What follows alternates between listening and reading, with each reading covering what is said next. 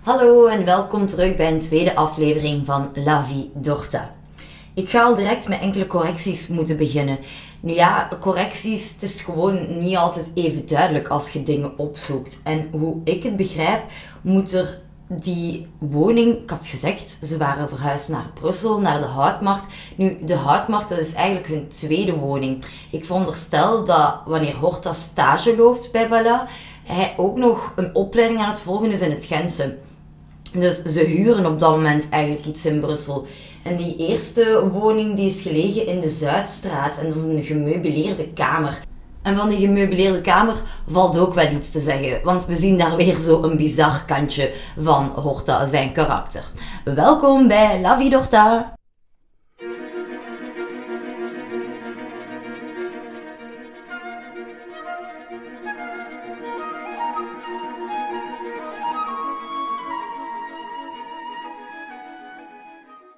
Wat was nu dat minder fraaie kantje? Wel, het is zo, wanneer dat uh, Victor nog in Gent bezig is, stuurt hij Pauline voorop naar Brussel. Zij gaat dus alleen. Het is toch, ja, zeker voor die tijd wel verrassend dat ze dat in haar eentje onderneemt. Zeker als je bedenkt dat ze op dat moment hoog zwanger is. Haar naam staat als eerste in de Brusselse bevolkingsregisters en Victor pas daarna. Die uh, Zuidstraat waar ik u van sprak, die is gelegen niet ver van de Brusselse beurs. Die uh, woning of dat gebouw is er vandaag nog steeds, uh, al is dat compleet onherkenbaar. Dat is ook uh, een gebouw van een compleet andere tijd, veel later daarna. En daar zit op de reden-chaussee, dus op het gelijkvloers, zit een boekenwinkel. Maar goed, Pauline die komt daar dus toe, zwanger zoals ik al zei. En zij zal bevallen van hun eerste dochter, Margriet. Helaas, Margriet die, uh, zal maar zeven maanden leven. Dat betekent ook een eerste grote slag die het koppel te verduren krijgt. En daarom dat ik ook zeker die correctie wil aanbrengen van de woning in de Zuidstraat. Want de situatie was toch wel penibel. Het was niet zo dat ze al direct hoehoe, veel geld te spenden hadden. Toch staat wel in mijn opzoekingswerk dat hij met het geld van de Huizen van Gent de tweede woning aan de Houtmarkt koopt.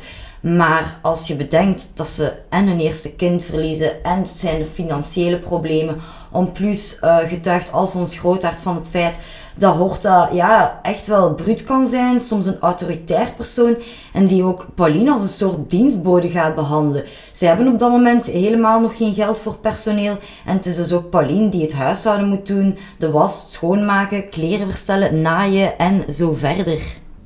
Hij liep dus stage voor Bala en dat was een stage die hij alles onderbroken had voor die Goede Charlesprijs. Maar hij komt dus daarna terug bij Bala in dienst. En eigenlijk is dat de ideale tijd om terug te keren, want uh, in 1885 tot 1887 zal Bala uh, extra serres aanbouwen bij de reeds bestaande van het Koninklijk Paleis te Laken. Nu, waarom is dat zo interessant? Ik had je al gezegd dat Bala, uh, dus zijn uh, creaties zijn eerder in die klassieke bouwkunst uh, terug te vinden. Maar die serre, dat is eigenlijk een nieuw concept.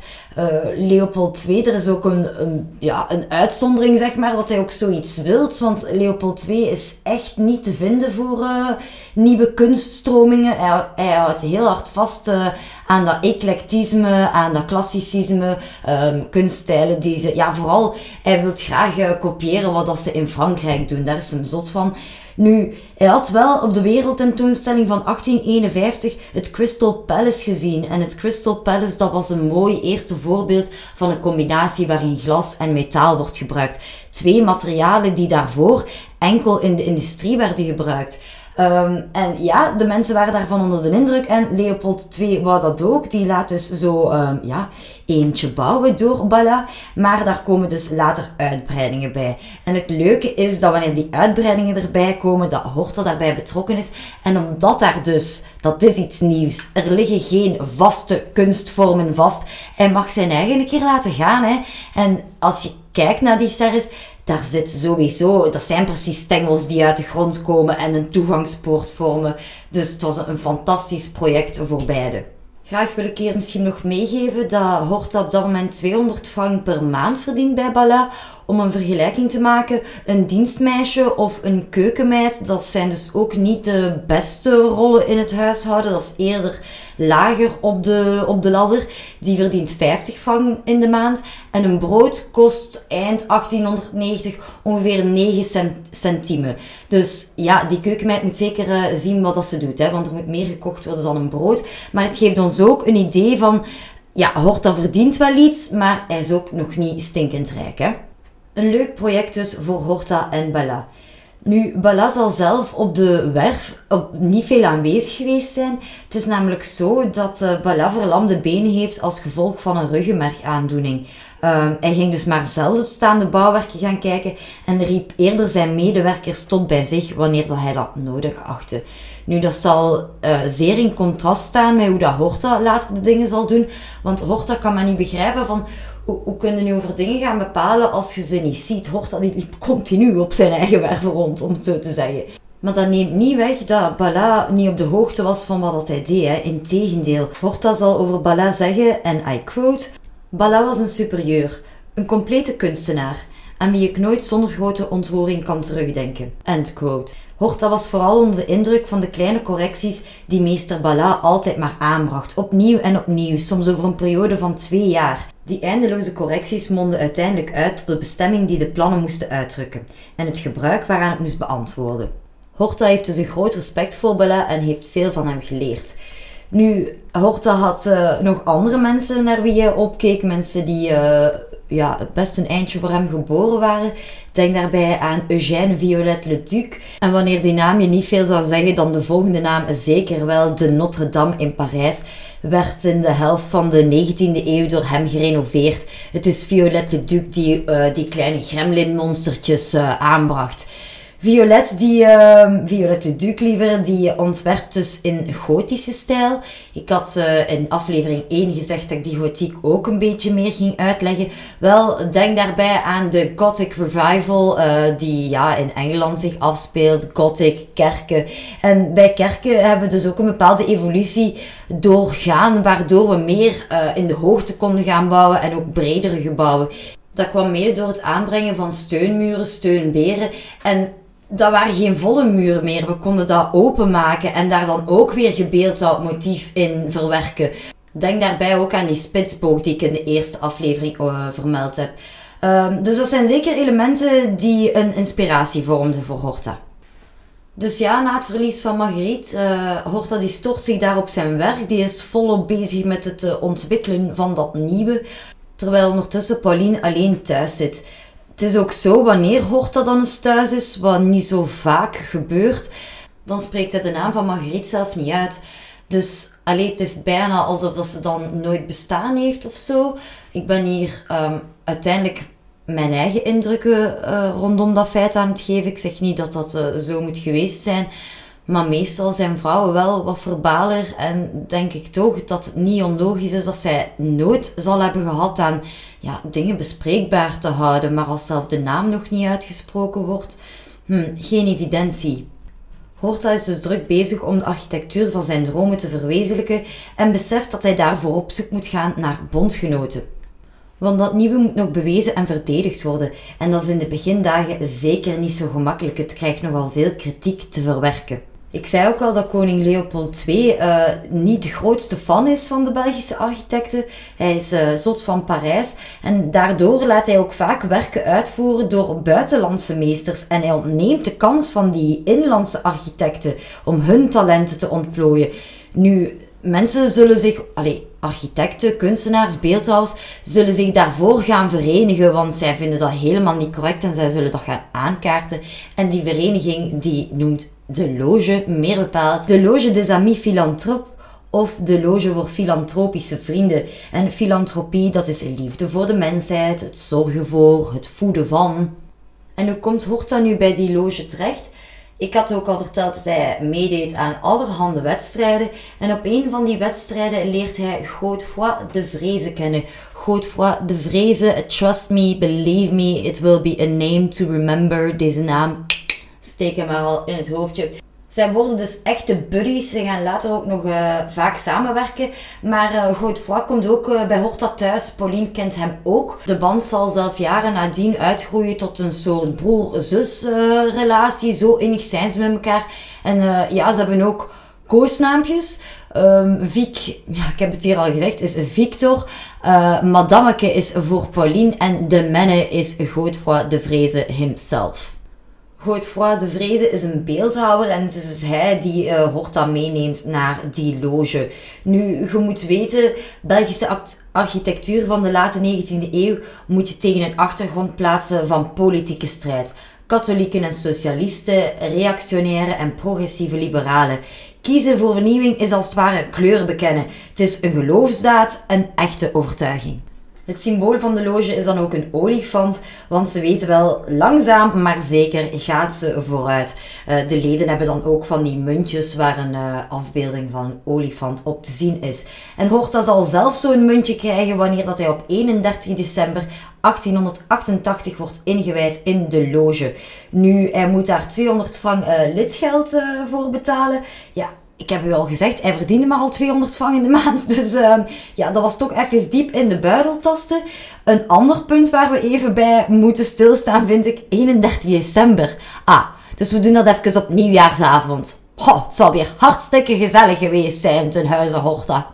Geen nieuwjaarskussen voor Pauline dus, maar wel voor zijn nieuwe vrienden. Want de broeders van de loge apprecieerden Horta zijn werk en gaven hem de zekerheid waar het hem zelf aan ontbrak. En dat was nodig, want Art Nouveau, dat was zoiets, en eigenlijk vandaag is dat nog steeds zo, you love it or you hate it. Het kreeg echt wel af te rekenen met kritiek en sarcasme.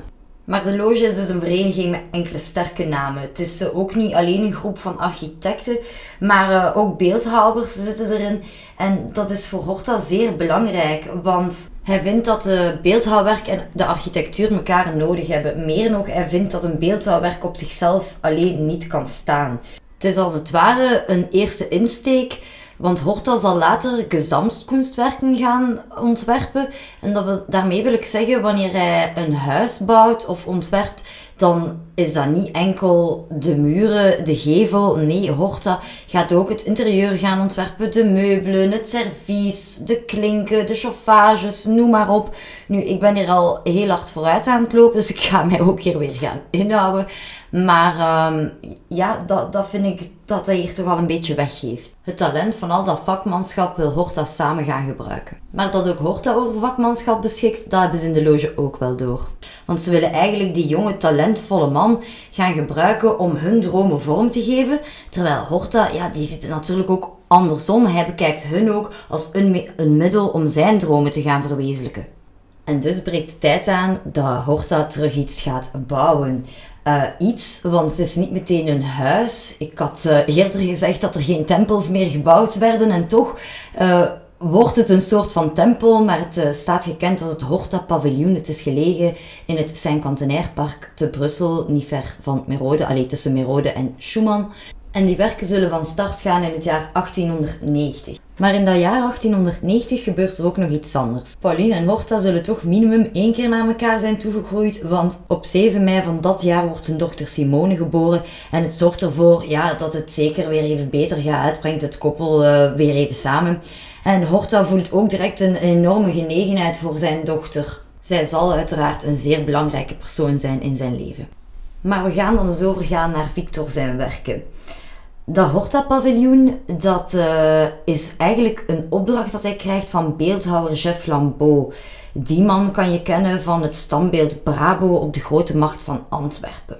Chef Lambeau die zoekt een onderkomen voor een beeldhouwwerk dat hij gemaakt heeft, de menselijke driften.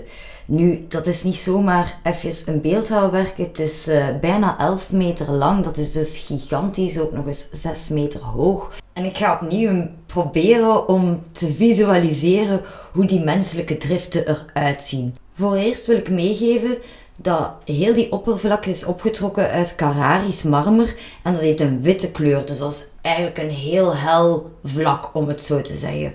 Als ik zeg menselijke driften, komen zaken als lust, erotiek en naaktheid dan niet in ons gedachten op. Het is misschien ook gelijk de achterliggende reden waarom dat überhaupt dat beeldhouwwerk zijn eigen onderkomen moest hebben.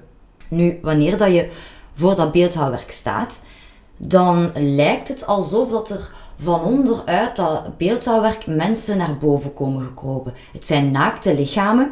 En als je dat werk wat van dichterbij of wat beter gaat gaan bekijken, dan zie je dat die wereld, die onderwereld, van zo lijkt het, is opgebouwd in twee delen. De linkerzijde zien we vooral een liederlijkheid, het is heel plezant, maar beneden in de linkerhoek zien we ook een moeder met ontblote borst en haar kind. Daarnaast zit een verliefd koppeltje. verliefd ben ik misschien aan het insinueren, maar ze zijn alleszins prettige zaken bij elkaar aan het ontdekken. Terwijl als we naar de rechterzijde van het beeldhouwwerk gaan gaan kijken, dan zien we dat er veel meer drama is. De situatie is veel woeliger. Het zijn ook naakte mensen, maar ze zijn aan elkaar aan het trekken. De situatie ziet er minder aangenaam uit. En dan bovenaan, in het midden van dat beeldhouwwerk, precies alsof hij die twee werelden scheidt, zie je een doodsengel. Het is een geraamte met vleugels en dan rond zijn heupen zo een lendendoek of ja, wat er van zijn heupen nog overblijft tot zover mijn poging om dat beeldhouwwerk tot leven te roepen. Het is ook namelijk zo, ik zou het nog mogen willen, ik kan er geen foto van nemen. Het is dat paviljoen is afgesloten en het is maar zeer uitzonderlijk dat het museum die deuren openstelt. Zij zeggen dat het door een tekort aan security is, dat dat uh, ja, gewoon niet op, daar geen meerdere mogelijkheden voor zijn. Wat wel jammer is.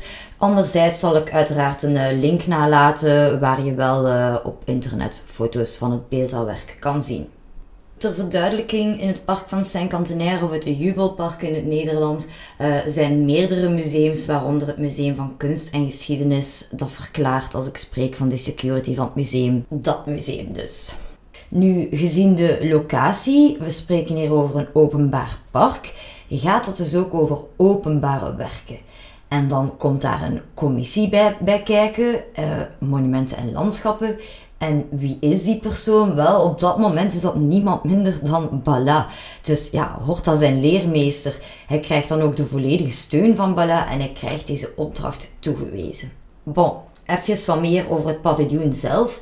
Uiteraard, een paviljoen slash tempel is dan toch wel weer verbonden aan die kanonieke regels, aan die vastgelegde regels vanuit die oudheid, die Bala maar ook maar al te graag heeft. Uiteraard merkt Bala de vrijheden die Horta zich veroorlooft, ja, hij merkt die zeker wel op. En die vrijheden, ja, voor, voor de leek ook, als ik er de eerste keer voor stond, en ik heb er vaak voor gestaan, want tijdens uh, pauzes dan uh, liep ik er wel eens langs. En ja, e-, eerst en vooral zou je dan nooit denken dat dat van Horta is. Dat is niet zo, hup, right in your face, dat je dat direct ziet als leek. Blijkt dat voor u gewoon een klassieke tempel. Maar als we dan de zuilen gaan bekijken, de onderkant, dan wordt daar gesproken van bossage. Er wordt een, meer een, een, een dikkere aanzet, nog niet met bloemetjes of zo. Maar je ziet wel dat het ook een andere steenkleur heeft. Dat zou niet correct volgens de regels zijn. En ook bovenaan de zuilen wanneer dat die um, druk gedecoreerd zijn. In de oudheid bestond daar ook een zekere orde in. Dat bestond uit verschillende lagen.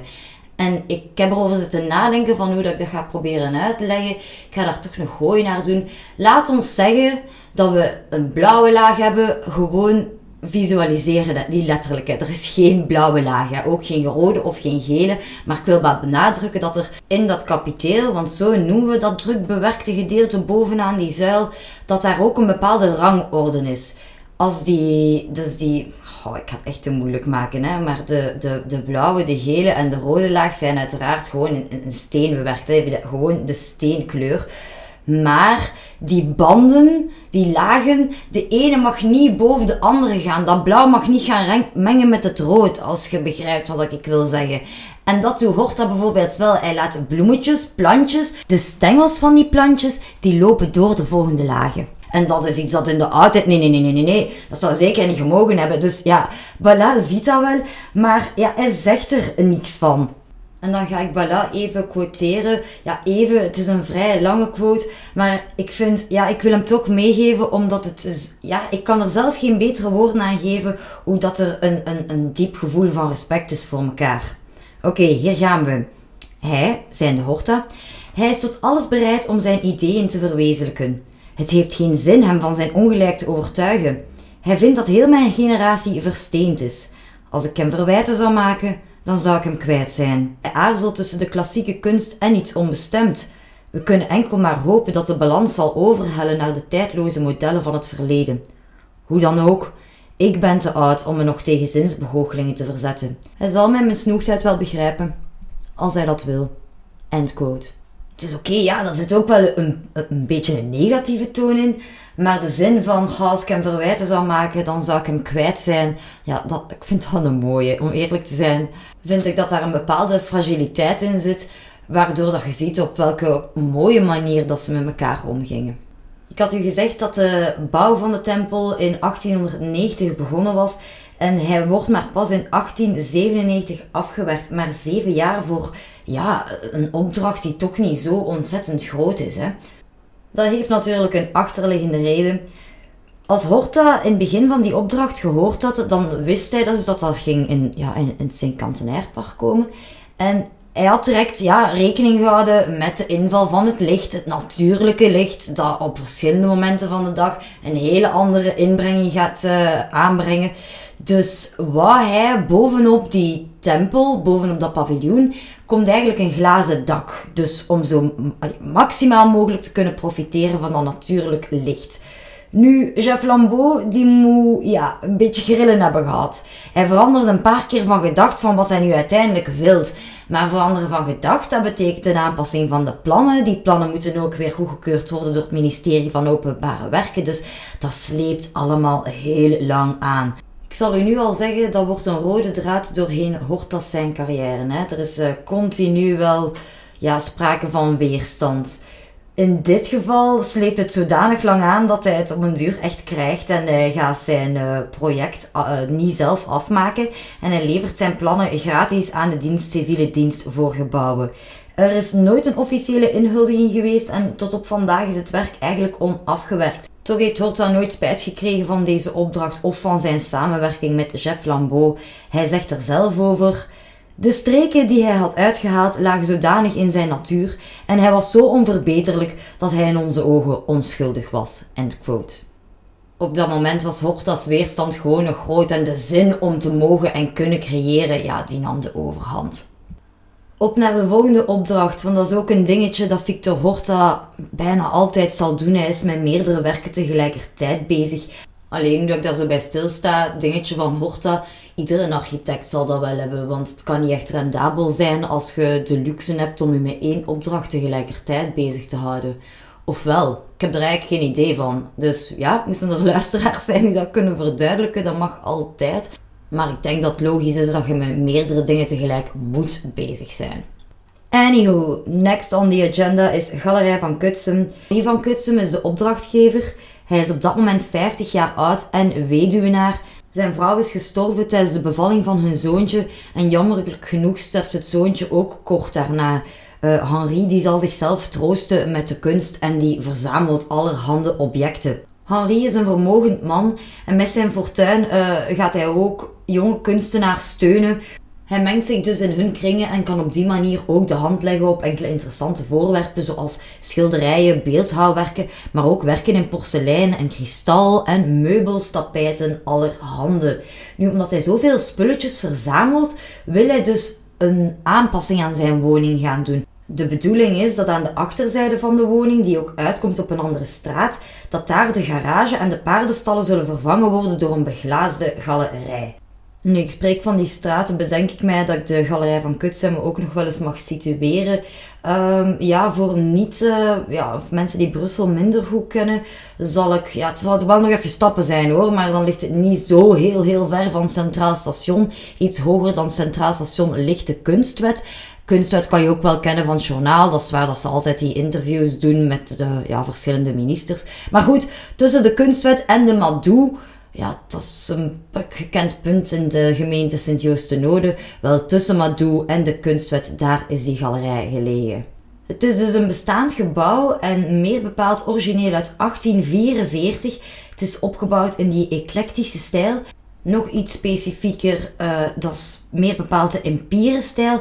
Denk daarbij maar echt aan Frankrijk, Versailles, Louis XIV, 15 16 ja, dat, dat keizerlijke stijl, empire, het woord zegt het zelf. Hè. Dus die toetsen zitten zeker in dat gebouw verwerkt, waardoor dat je wel zou kunnen denken van... Ja, tuurlijk Horta kan daar wel mee om door de ervaring dat hij heeft van bij Bala. Maar het is toch niet direct compleet zijn en dada. Waarom vindt hij deze nu toch een leuke opdracht? Wel, Victor die houdt wel van een uitdaging. En voor eerst, we hebben dan het huis en de originele garage met paardenstallen. Die gebouwen die staan los van elkaar. Nu, als je die zou willen verbinden, dan staan die ook niet parallel. Die staan dus niet gelijk ten opzichte van elkaar. Wat dat al betekent dat de galerij die er gaat komen een onregelmatige vorm gaat krijgen. Daarbij komend, het terrein ligt dus verspreid over twee straten en die twee straten die liggen ook nog eens op een ander niveau. De ene straat waar de voorzijde van het huis gelegen is, die ligt meer dan 2 meter hoger.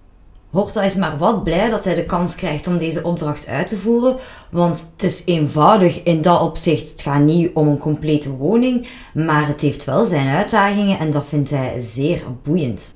Horta is op dat moment 29 jaar en hij kan niet wachten om eraan te beginnen. Nu, wat gaat hij precies doen? Om een maximale tentoonstelling oppervlakte te bekrijgen, moet Horta een enorme blinde muur gaan maken. Nogal een shock als je dat huis of dat pand in werkelijkheid zou gaan bekijken. We zijn dat zeker niet gewoon van hem. Nu, maar hij moet dat doen omdat als je daar concreet over nadenkt, we hebben het voorste gebouw, we moeten dat gaan verbinden met die achterste, of we willen daar toch alleszins die galerij uit laten vertrekken, dan, dan kun je niet anders. Hè, waar dat je vroeger, omdat die gebouwen los van elkaar stonden, die opening of die oppervlakte kon opvullen met misschien een haag of zo, gaat dat voor die galerij niet meer. Hè. Daar moet een muur staan. En ja, voor wie daar in de buitenzijde loopt, is het minder mooi. Victor Horta zal een paar zaken aanbrengen om dit geheel toch iets wat te verlichten, verbeteren. Zo zal Horta een kelderverdieping aanbrengen, waardoor we de ramen zien van het souterrain. Souterrain onder het terrein, dat is de letterlijke vertaling. En dus een beetje onder de grond, om het zo te zeggen. Ja, dat waren de vertrekken voor het personeel. Minder aangenaam, maar allee, altijd minder aangenaam. Maar Horta bracht tenminste toch wel licht binnen. Hij zal ook gebruik maken van meerdere steensoorten. Dat maakt het in het algemeen wel lichter qua indruk. Er komt ook op die glazen galerij een glazen koepel. En die is zeer interessant. We hebben daar eh, jammer genoeg geen foto's van. Alleen we hebben die wel, maar ik kan die niet delen door bepaalde rechten. Ook online, want ik ga een link zetten die wel zicht geeft. Uh, als je daarop klikt, dan kom je op een pagina terecht waar je wel zicht hebt aan de binnenkant van die galerij. Maar je ziet niet dat die glazen koepel, dat glazen dak waar ik nu over ga spreken. En dat is wel interessant, omdat door de vorm van dat terrein gaat die een achthoek aannemen. En die achthoek die gaan we echt vaak terugzien in Horta werk. Het is ook niet de eerste keer dat hij hier gebruik van maakt. Hij deed het voor het eerst wanneer hij de werken deed, eh, wanneer hij meewerkte aan het Congo-paviljoen, dus aan de serres van uh, het Koninklijk Paleis te Laken. Twee jaar later koopt Van Kutsem ook de aanpalende woning, die op nummer 15. En hij zal ook op Horta beroep doen om beide huizen ja, bij elkaar samen te voegen. En ze moeten dus identiek zijn. Hè? Die gevels, het moet lijken dat het altijd één geheel geweest is. Het is dus uh, zeker niet iets waar we typische Horta-elementen in gaan vinden. Maar uh, wel het bewijs dat hij respect kan hebben voor een bepaald programma dat hem wordt opgelegd. En dat dat een bepaalde kunstvorm is, dat hij zich daaraan kan houden. De verzameling van Henry van Kutsem is vandaag ergens anders ondergebracht. We gaan dat later, veel later in deze podcast nog zien. Het museum noemt vandaag het Charlier Museum. Het is dan ook Guillaume Charlier die na Henri van Kutsem in deze galerij terecht kwam. Het is een museum waar je vandaag Belgische schilderkunst van de 19e eeuw kan zien. Maar ook beeldhouwkunst is er vertegenwoordigd en de salons zijn rijkelijk uitgerust met meubelen en sierkunstvoorwerpen in empire-stijl. Wat betreft dat achthoekige dak heb ik ook nog een oplossing gevonden. Ik heb er mijn vader mee lastiggevallen. Hij gaat voor een tekening zorgen. Want een achthoek, dat kan je op meerdere manieren bekomen. En met die tekening moeten we er niet meer over twijfelen. En dan wil ik ook nog toevoegen, ik heb daarvan die gevel gesproken, die vlakke gevel, die zo, wow, die u het als voorbijganger niet zou verwachten, zeker niet van Horta. Wel, daar zit nu ook een deur in, dus is die woning opnieuw opgesplitst in twee woningen. Het moet zijn, want het draagt het huisnummer 42. En nu gaat het in mijn opzicht leuker en leuker beginnen worden. Want we gaan wat meer naar die ja, burgerwoningen beginnen overgaan. Het volgende werk is Huis Matin. De werken starten ook in 1890. Horta zal het uh, in een jaartje afmaken. De opbouw van die woning is typisch vanuit die tijd. De voordeur is ofwel links of rechts gelegen, maar bij Huis Martin is het rechts. Wanneer we deze deur zouden binnengaan, dan zien we recht voor ons tegen de muurzijde de trap die naar de bovenste verdiepingen gaat. Maar we blijven nog eventjes beneden. Links, dus aan de overzijde van de trap, zijn twee of drie kamers van ongeveer dezelfde grootte. Ter verduidelijking, deze ruimtes liggen dus op een lijn achter elkaar. Zoals ik al zei, het gaat om een traditioneel huis. Nu, wat maakt dat huis dat het van Horta is? Als we die gevel gaan bekijken, dan zien we een witstenen gevel met daarin elementen van hardsteen, Belgische hardsteenelementen. Het is dus een combinatie van overal een witte kleur met dan grijze elementen. Waar zitten die grijze elementen? Ik doe een poging om de gevel te beschrijven. Dus de algemene indruk is wit. Die grijze toets die zien we ook van beneden uit de woning is er eerst een laag in die blauwe hardsteen en dan zijn er horizontale banden afwisselend dat grijze kleur en die witte kleur. De grijze kleur, de witte kleur. Dan wordt ook de voordeur nog extra benadrukt. Die is ook omkaderd door blauwe hardsteen en bovenop die omkadering staat ook een fronton. Het is een mini-driehoekje in dit geval, maar dan de rechte zijde die naar beneden gaan, daar heeft Horta gebruik van gemaakt om daar een glasraam in te verwerken. In dat glasraam staat een uh, bloem afgebeeld, een bloem met ook blaadjes, abareske vormen. Het is zo de eerste echte Art Nouveau-toets, om het zo te zeggen. Als we een verdieping hoger gaan, daar voor de ramen is ook een afwerking van gietijzer. Al zijn deze leuningen wel smal en eerder bescheiden. Wanneer we dan weer wat hoger kijken, ja, dan zitten we eigenlijk aan het dak. En daar komt weer die afwisseling, want de gevel was wit, hè.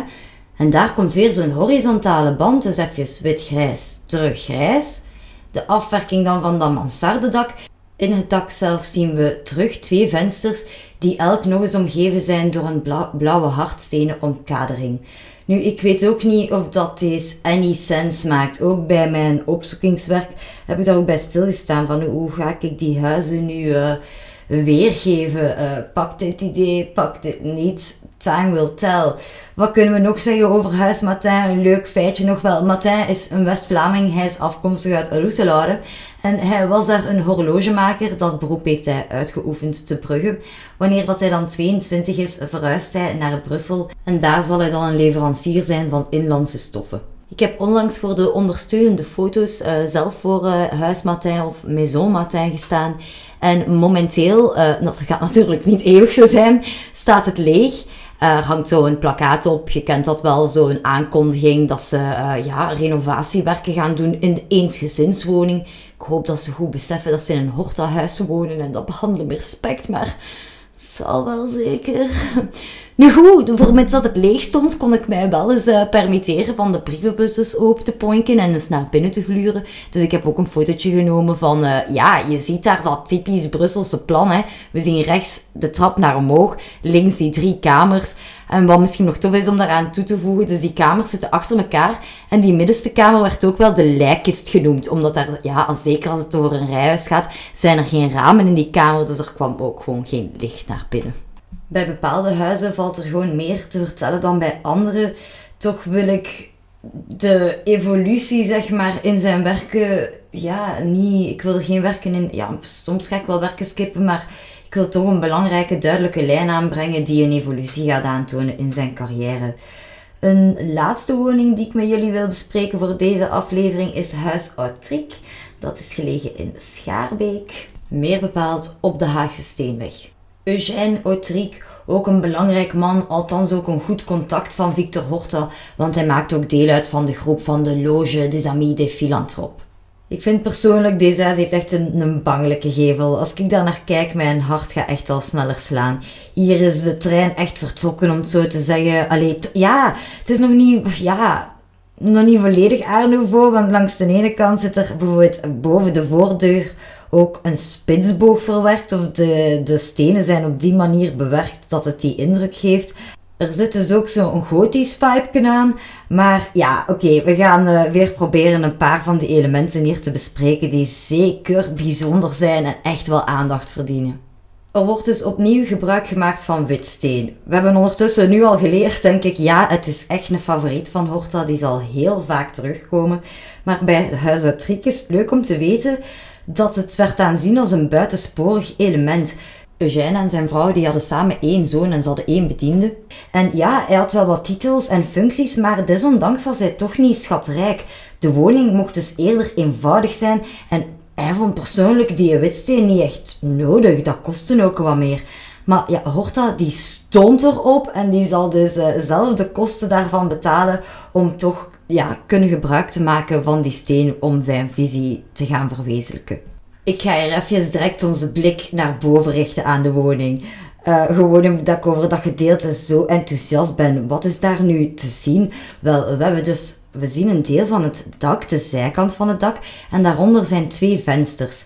Maar Horta die heeft daar een constructie gebouwd, dus onder de nok van het dak, daar loopt horizontaal een houten balk. Die aan zee is al heel mooi bewerkt en die steunt in het midden terug tegen de gevel tegen een cartouche. En eigenlijk die cartouche is dus een bewerking uit steen. En hier heeft deze ja, een V-vorm, een kelk, ook weer iets, iets bloemachtig.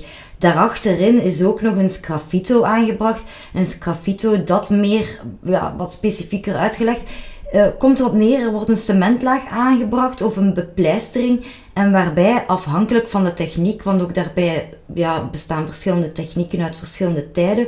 Maar er wordt dus vooraf of achteraf een laag kleur of meerdere lagen kleur aangebracht. Maar het principe is dat door lijnen te verwijderen uit die cementlaag, uit die bepleistering, dat er een tekening gecreëerd wordt. Het is dus als het ware door lijnen weg te krassen, Zoals je naar mijn mening ook in het woord het hoort, sgraffito. Ik, ik kan daar wel krassen in horen. Wel door dus het verwijderen, door het krassen maken, maak je een tekening. Voor die sgraffito, we zien hier dus die mooie stenen kelkvorm met die houten balk die eruit steekt en daarachter die sgraffito. Het is echt eh, eh, wonderbaarlijk om naar te kijken, want het, het, is, het, heeft bijna, het, is gezichtsbedrog. Als je er naar kijkt, dan lijkt het alsof dat Horta er een logia aangebracht heeft. En een logia, ja, dat is een soort terras, maar zonder dat je echt buiten zit. Er zijn vensters, het is echt een, een stuk dat verder uit de woning komt, maar het is altijd afgewerkt met ramen, waardoor dat je lekker warm zit, maar wel van het uitzicht kan genieten. Dus zo'n logia, ja, dat geeft direct een luxueuze indruk. Dus het is wel verbijsterend dat er hier geen is, maar dat je daar toch het idee van krijgt dat die er wel is. Voor jullie algemeen beeld van de gevel wil ik hier meegeven dat die sgraffito in ja, een bordeaux-roodachtige kleur is. En dat is zeer bijzonder met een ander feit aan dit huis. De voegen zijn namelijk opgevuld met een combinatie van cement waar dat Victor uh, gruis van rode baksteen aan heeft toegevoegd. De voegen krijgen dus een rode kleur. Dus we hebben een witte gevel met allemaal rode portooi elementen. Echt top. Dan gaan we onze blik terugrichten op de onderzijde van de gevel. We zien daar drie kelderramen, waarover later nog iets meer. Maar we focussen eventjes op het raam daarboven, dat is het raam van het salon. En een nieuwigheid is hier dat dat eigenlijk geen muurdam heeft. En wat is een muurdam? Dat is eigenlijk wanneer het raam te groot wordt en dat er gesplitst wordt door een stukje muur. Wel, dat is die muurdam. Dus voor een grote raam is dat hier niet aanwezig. Hoe heeft Horta dat opgelost? Hij maakt gebruik van smalle gietijzeren zuilen die een fijne speelse indruk geven.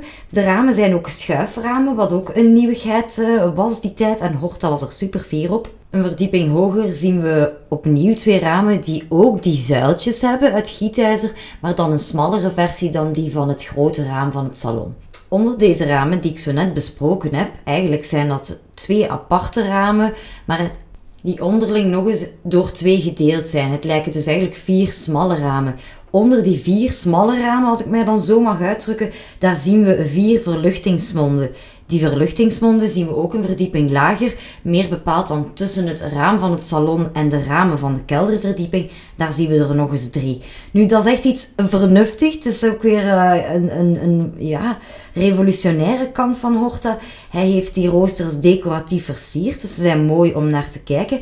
Maar in die periode dichtte men alles eigenlijk altijd zo goed mogelijk af om bacteriën buiten te houden, was de gedachte. Maar ja, wij weten natuurlijk dat het net noodzakelijk is dat je op tijd gaat verluchten. En Horta, ja, die, die was daar al mee mee. Hij gaat dat systeem in de toekomst ook steeds beter gaan uitwerken. En in die oude woningen wordt ook vaak gebruik gemaakt van ja, eigenlijk een, een tussenverdiep, een soort kruipruimte. En daardoor kan dus die aanvoer van verse lucht continu circuleren. En dan nog even de aandacht op de voordeur. In combinatie met, want ik had u gezegd dat ik nog iets ging vertellen, ook over die ramen die van de kelderverdieping zijn. Al dat ijzerwerk, ook die verluchtingsmonden, zijn geschilderd in een soort olijfgroen. Het is eigenlijk een basis van blauw met dan een lichtgrijze kleur die hoort daar tegenover plaatsen. Het gaf dus een speciaal effect. Iets dat echt niet gedaan werd in die tijd. Ehm, ja, we zien hier een puntje weer van Horta zijn onzekerheid. Want hij krijgt er kritiek op. Want hij zegt zelf, ja, moest weer uiteraard zwart zijn. Nu, die decoraties in gietijzer vertellen ons nog iets meer. Zo kunnen we zien aan de ramen van de kelderverdieping, maar ook aan het raam boven de toegangsdeur, dat daar een A in verwerkt zit. De A van Autriek. Maar boven die toegangsdeur zien we ook slangachtig motief. En dat zijn dan weer symbolen van de vrije metselarij. Een vereniging waar dat Eugène Autriek ook deel van uitmaakt. En ook Horta trouwens. Ook Horta is een frère maçon. Maar uh, wanneer dat die er precies bij komt, uh, om een deur wordt ook zo'n boeltje, maar neem het van mij aan, uh, dat, daar was zij ook bij betrokken. Leuke insteek nog over dat gietijzer aan die ramen, die lichtgroene kleur. Ik had het er op een gegeven moment eens over met een kennis van mij. En die zei mij van, Goh, zou dat niet kunnen zijn, omdat als je like, koper hebt en dat staat er een tijdje, koper slaan na een tijdje ook groen uit. Hè? Zou dat niet geweest zijn om zo die look te benadrukken. En ik dacht, oh, dat is wel een interessant gegeven. Misschien wel, ja. Ik vind het altijd tof om zo'n input te krijgen, want ja, mensen staan nu eenmaal stil bij verschillende dingen. We hebben niet allemaal dezelfde hersenspinsels, dus ja, als je er zo hebt, deel maar gerust. Dan gaan we nog even een technische vernuftigheid bekijken, want Horta zal bij ja, dit huis ervoor zorgen dat het, het is een van de eerste huizen met aansluitingen op het stroomnet. Uh, de verlichting was wel hoofdzakelijk op gas, de verwarming op stoom en warm water. Maar het toont wel aan dat als er technische en industriële, industriële vernieuwingen waren, dat Horta daar maar al te graag gebruik van maakte. En wat aanvankelijk een huis moest zijn voor vier bewoners, zijn de meneer en mevrouw Autriek, hun zoon en die ene bediende, wordt uiteindelijk een huis voor negen mensen. In 1930 wonen er maar liefst drie generaties onder één dak. Nu, aan het begin van de Tweede Wereldoorlog, dan vlucht het gezin naar Bretagne en het huis zal dan verhuurd worden aan een meubelmaker Jean-Pierre Linster. Nu, later zal die dochter van Jean-Pierre het huis overnemen en zo zal het huis voor de komende 40 jaar een vaste bewoonster hebben. In 1886 werd de woning verkocht aan twee kunstenaars die fan waren van Horta zijn werk. Zij lieten de gevel dan ook reinigen en mede daardoor zien wij vandaag nog steeds die rode elementen in de gevel. Bij de oplevering van het werk was de opdrachtgever Eugène Autric zeer zeer tevreden met het resultaat. Hij kon de jonge architect, over wie hij over de gehele lijn tevreden was, aan iedereen aanbevelen. En aanbevelen, dat zal hij ook doen. We gaan de volgende aflevering starten met Hotel Tassel, om het zo te zeggen. Dus Huis Tassel. Ook iemand die daar in die loge van des Amis zit. Maar daarover dus de volgende aflevering meer. Ik ben tevreden. De aflevering is toch al wat langer dan de eerste. En deze vind ik zo wel wat de ideale tijd. Nu, ik heb wel nog enkele correcties of toevoegingen te doen. Ik heb gesproken van het Crystal Palace. Ik heb daar niet bij vermeld dat dat uh, plaatsvond in het Hyde Park te Londen. Meer bepaald op de wereldtentoonstelling van 1851. Ik vind dat wel belangrijk. Iets anders wat ik zeer belangrijk vind, want ik heb mij daar een paar keer zo wat vastgestoken met te zeggen van geen tempels meer, er worden geen tempels meer gemaakt. Tot op vandaag worden er nog tempels gemaakt. Hè. Ik heb dat proberen uitleggen dat er elementen van die uh, kunststijl uit de oudheid, um, elementen worden gebruikt in die burgerwoningen. Maar goed, bij deze heb ik het nog eens benadrukt of nog wat complexer gemaakt. Anywho, het is eruit. Um, volgend puntje, uh, ik heb ook gesproken over het loon van de keukenmeid.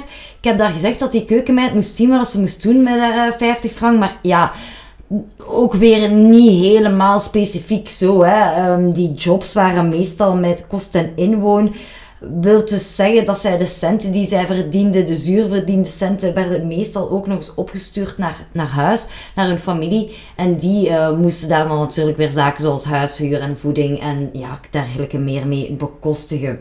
Dan nog even de bronvermelding, uiteraard. Michelle Goslaar met haar boek Victor Horta. Diane de Keizer voor het algemene tijdsbeeld. Opnieuw al haar boeken, pak ze vast. If you love Belle Époque, dan gaat die boeken verslinden. En dan ook het Centrum voor Volwassenenonderwijs, meer bepaald het COVID te Anderlecht.